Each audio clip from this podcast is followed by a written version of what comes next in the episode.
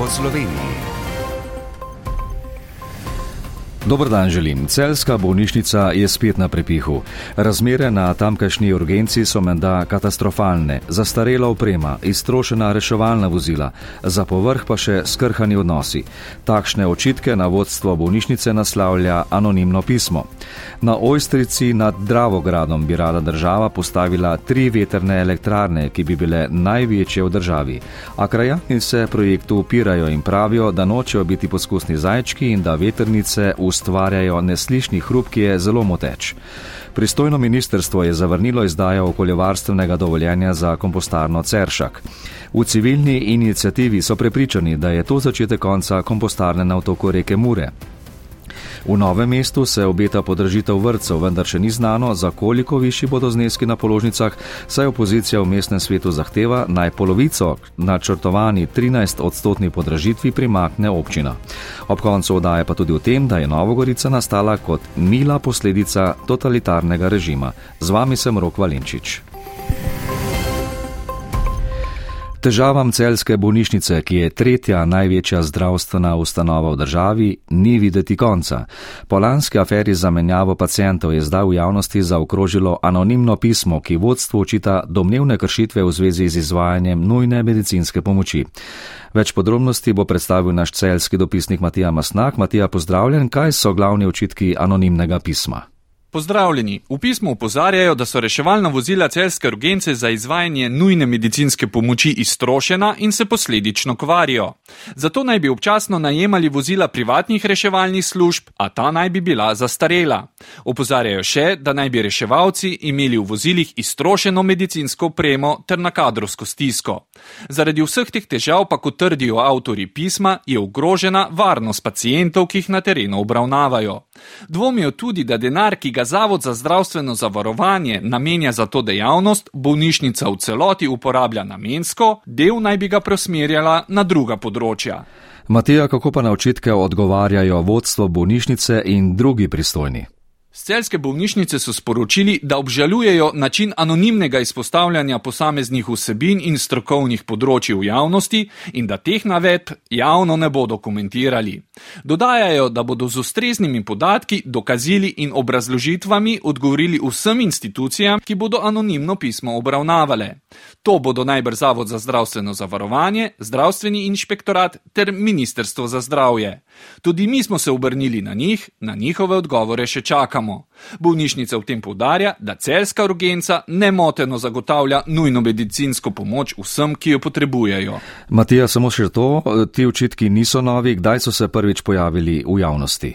Ta zgodba ima dolgo brado. Leta 2016, ko so službo nujne medicinske pomoči prestavili z celskega zdravstvenega doma na urgenco, so v javnosti zaokrožile prve anonimke povezane s to temo. Svojim statusom in pogoji dela so postali nezadovoljni predvsem specialisti urgentne medicine. Pred slabimi tremi leti so štiri od petih zdravnikov celo dali odpoved.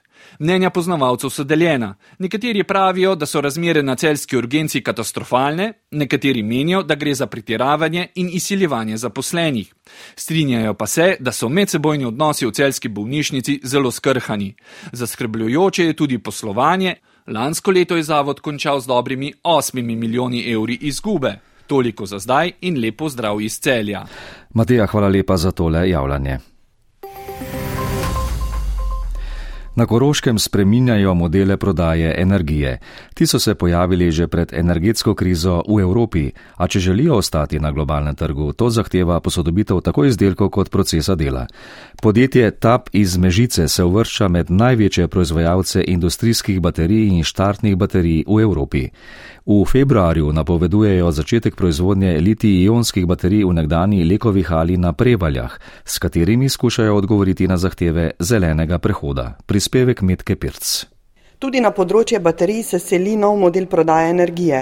Baterij na industrijskem področju več ne kupijo, ampak zgolj najamejo energijo, ki jo podjetje potrebuje za obratovanje stroja.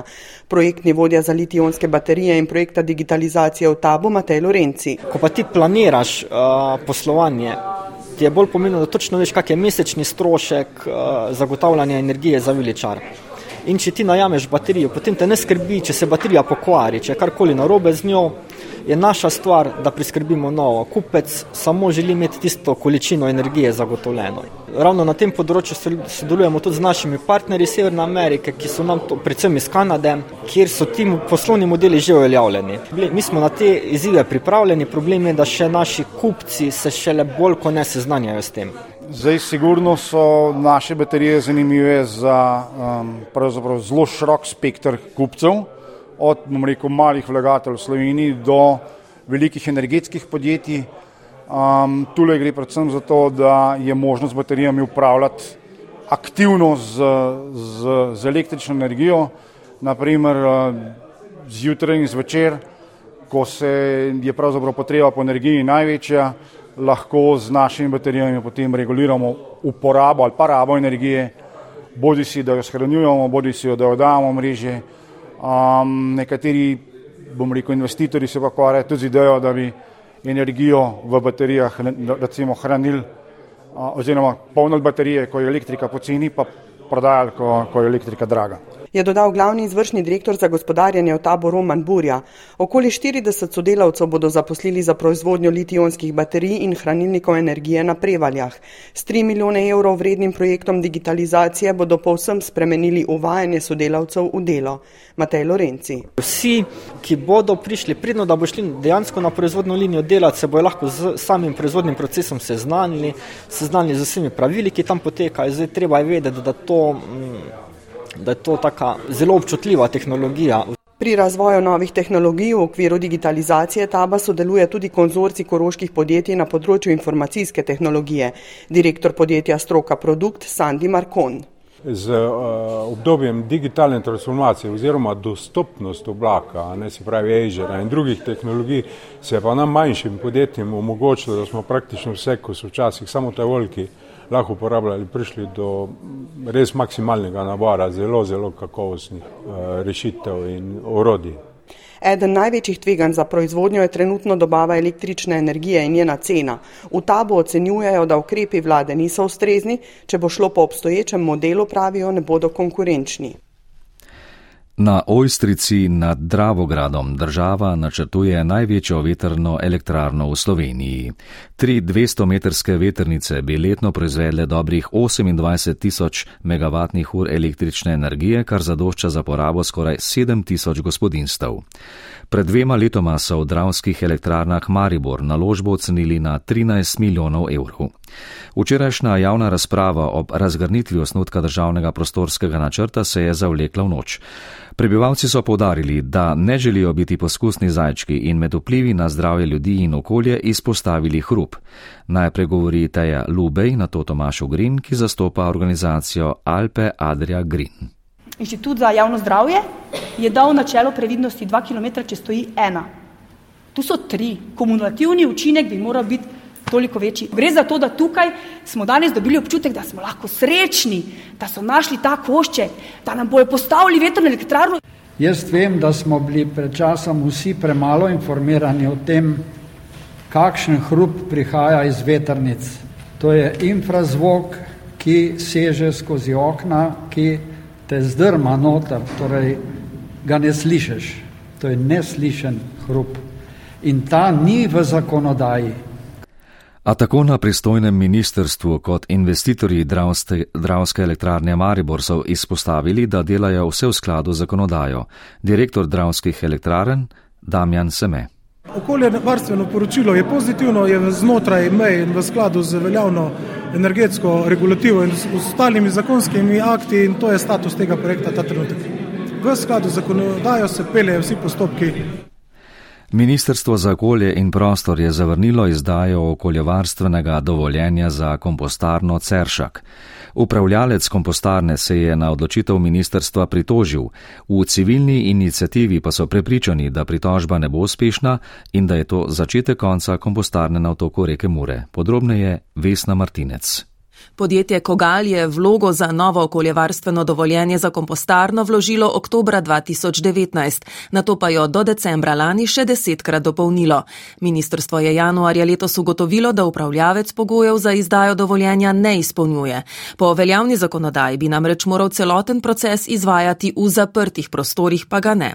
Upravljavec se z ugotovitvami ne strinja in se je na odločbo pritožil, saj da ministrstvo naj ne bi pravilno razumelo, da imajo vso potrebno tehnologijo. Pravni organ je v bistvu iz tega, ker v registru osnovnih sredstev nismo imeli ustrezno aktiviranih teh novih naprav, nove tehnologije, so v bistvu smatrali, kot da mi teh naprav ne posedujemo, zaradi tega, ker smo v pombah navedli, da je ta tehnologija še v fazi postavljanja. Pojasnjuje vodja ekologije in logistike v Kogalu Aleks Berlič.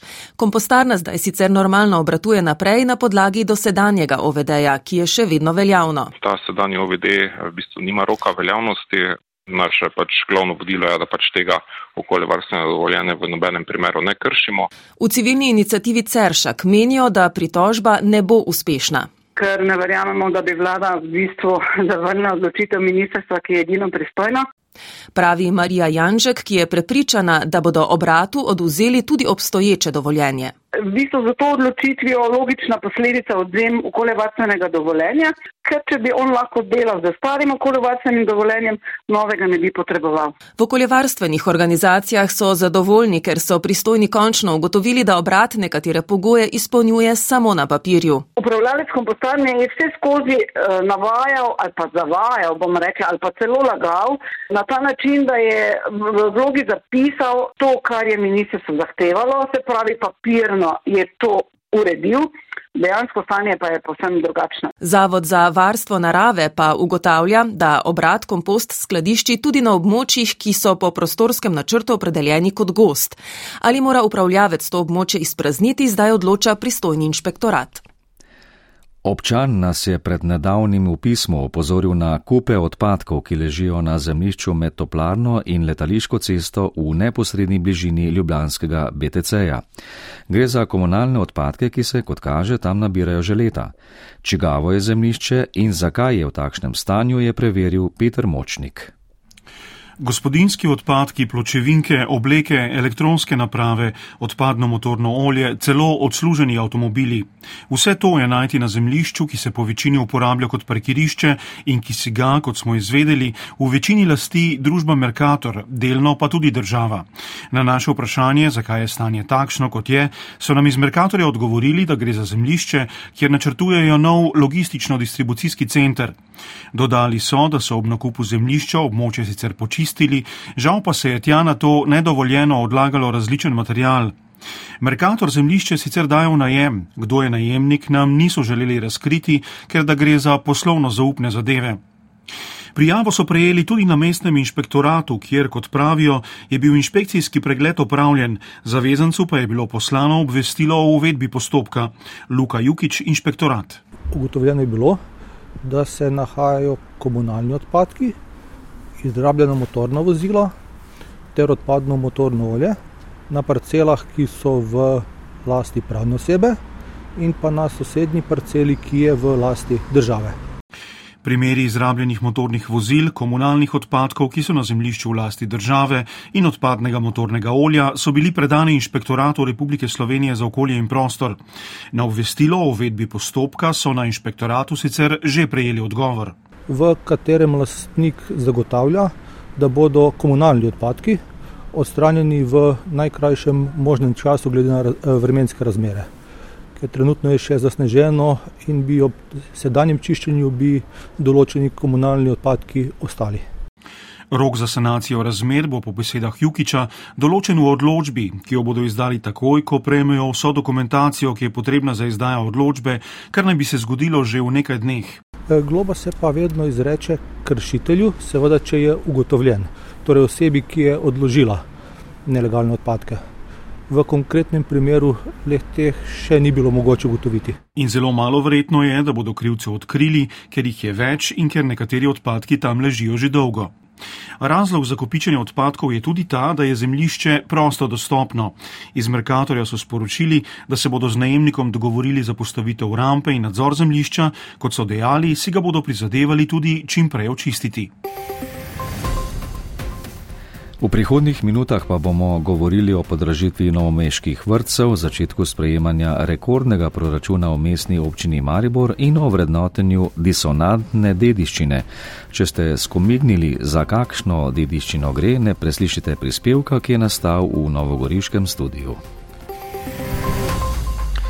Občinski svet mestne občine Novo mesto bo popovdne na redni seji odločal o zvišanju cen v javnih vrtcih.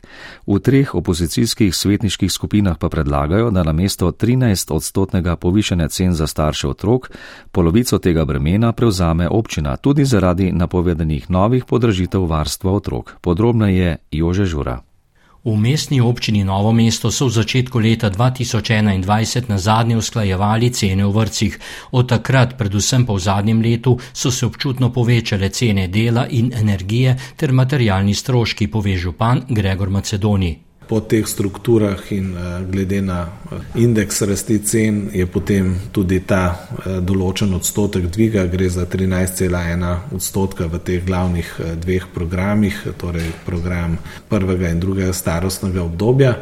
To bi v srednjem plačilnem razredu za najmlajše zneslo dobrih 22 evrov več na mesec in 16 evrov za drugo starostno obdobje. V treh opozicijskih svetniških skupinah so proti takšnemu povečanju, zato bodo vložili dopolnilo, da polovico predlaganega povišanja prevzame občina, pove Uroš Ljube iz Solidarnosti. E, namen tega amadmaja je jasen, ne, se pravi, želimo delno razbremeniti plačila stroškov družine pač novomeških otrok eh, v času visoke inflacije, v času zimske energetske krize. Andrej Kastrevec iz Zveze za Dolensko pa dodaja. Po predpostavki, da je občina Novomeška ena najbolj gospodarsko razvitih občin, eh, najmanj zadolžena, mislim, da, da to ne bi smelo biti problem zagotoviti sredstvo dodatno v proračunu. Župan Gregor Macedonij odgovarja. Eh, moramo pa vedeti, da mestna občina že danes subvencionira iz eh, sredstev, ki nam jih država ne prizna, več kot 500 tisoč za dodaten popust za starše. Potrjevanje cen v vrcih bo prva preizkušnja programske koalicije v novomeškem občinskem svetu, ki jo oblikuje šest strank oziroma list. Ker gre za uskladitev cen do konca lanskega leta, bodo v prihodnih mesecih v dvigu plač vzgojiteljicam v vrcih potrebne nove podražitve. Mariborski mestni svetniki bodo na današnji seji obravnavali več točk, najpomembnejša pa je zagotovo prvo branje letošnjega rekordnega proračuna vrednega dobrih 192 milijonov evrov. Opozicijske stranke so že pred obravnavo povdarjale, da je prenapihnjen in nerealen in ob tem jih skrbi tudi predvidena 27 milijonska zadožitev občine. Aljaš Mejal. Vodja občinskega urada za finance in proračun Mateja Cekič pravi, da je proračun razvojno naravnan, saj predvideva tudi izvedbo oziroma dokončanje več infrastrukturnih projektov. Je pa napovedala, da bodo v drugem branju potrebni popravki, saj predstavljata energetska draginja in napovedano višanje plač v javnem sektorju tudi za občino povečanje izdatkov. Dohodnina se je povečala za približno 4,6 milijona, vendar pa so tudi tekoči stroški zelo narasli in zaradi tega se recimo ta razkorak podfinanciranosti povečuje. Mestni svet bo v prvem branju obravnaval še občinski podrobni prostorski načrt za območje ob Dvoržakovi ulici, kjer bo medobčinski stanovanski sklad zgradil stanovanja za mlade. Vodja občinskega sektorja za urejanje okolja Maja Reichenberg-Heričko. Gre za dva bloka, ki bodo umeščena ob Dvoržakovo in ulico Moše Pijade. Etažnost blokov se vzporedno z Dvoržakovo ulico dviguje proti ulici Moše Pijade. Svetniki bodo obravnavali tudi OPPN za območje na pobrežju, kjer bo država zgradila oskrbovana stanovanja za starejše, pa tudi spremembe odloka o občinskih cestah, ki bodo omogočile odstranjevanje zapuščenih koles z javnih površin, kajti takih je vedno več, pojasnjuje vodja urada za promet Aleš Klinc. Torej, po 90 dnevih, ukolikor tako kolo ne bo našlo lastnika, bo torej koncesionar tako kolo bodi si prodal, bodi si bodo pa taka kolesa namenjena za nadaljno eh, javno uporabo. Tukaj imamo v mislih eh, predelavo koles, donacija v dobrodelne namene raznim eh, društvom.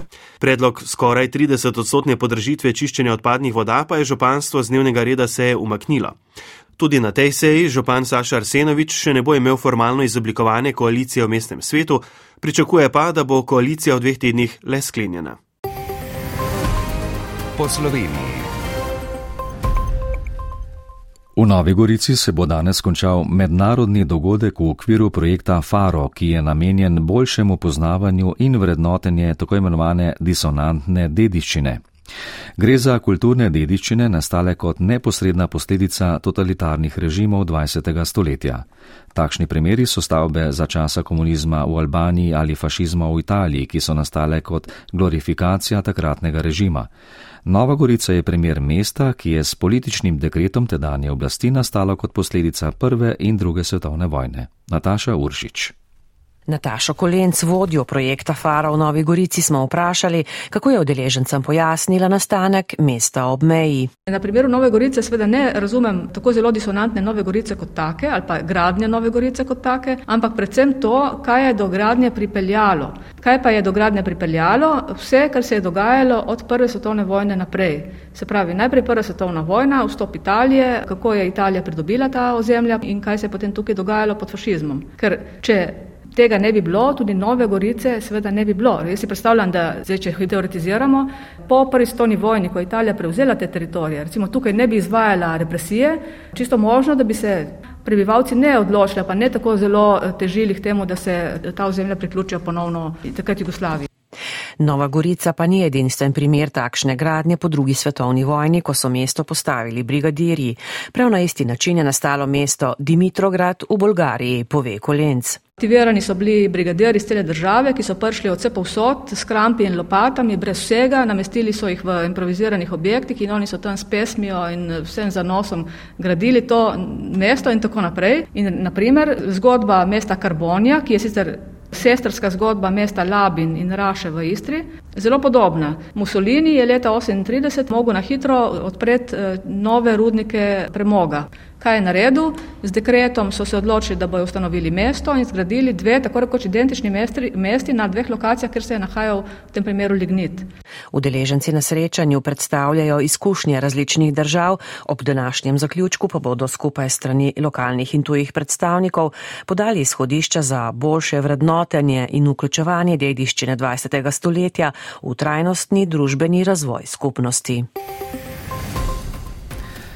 To so bili dogodki iz lokalnega okolja na zadnji januarski četrtek. Hvala za vašo pozornost in povabilo, da bodite z nami ob isti uri tudi jutri. Lepo se imejte in nasvidenje. Poslušali ste oddajo Po Sloveniji, urednica Nina Brus, voditelj Rok Valenčič, tonski mojster Žiga Žižak.